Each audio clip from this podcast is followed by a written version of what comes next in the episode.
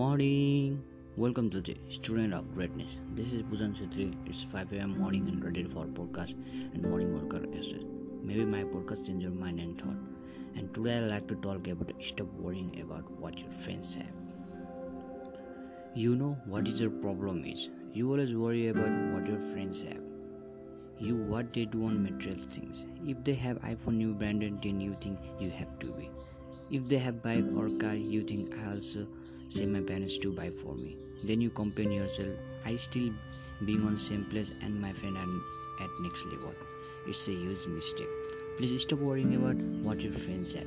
You don't want the same things your friend wants. So why what the fuck you care what they have? The biggest reason you worry and unhappy now because you value somebody else's opinion more than you value your own. All people worry about other opinion. You are not living their life, so why take their opinion and worry about what they have? Every action you do, and it's your life. You have to surround yourself with good friends. You Spend most time with good friends who are positive. The friends you spend with time are the ones that detect your mindset. Gary Vaynerchuk started wine business first. He made a billion YouTube or thousand episode about wine. He don't he don't care about what other people think. In his college life, he worked his father liquor store in small budget. His friend came into liquor store to buy wine, whiskey, brandy in BMW car, Audi or other expensive car.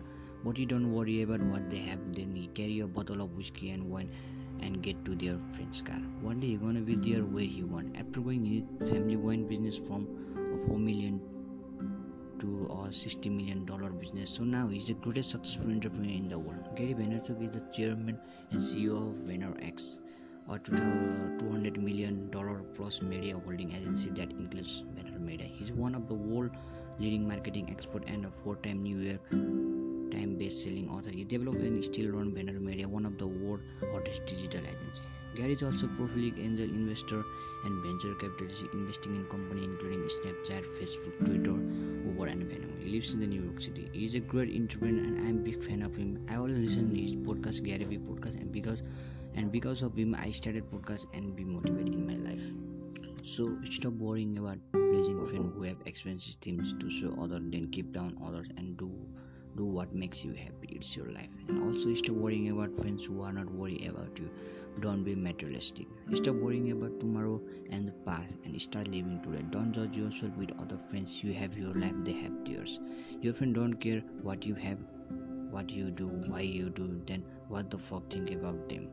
Do what makes you happy and what makes you feel success and motivate Thanks so much listening my podcast. I actually do podcast in the morning time to make myself fresh of all day. I hope your day will be good and always keep smiling in your face and get the way of happiness. Be satisfied and be happy what you have and work hard to get what you want. Don't judge with your friends what they have. Live your life.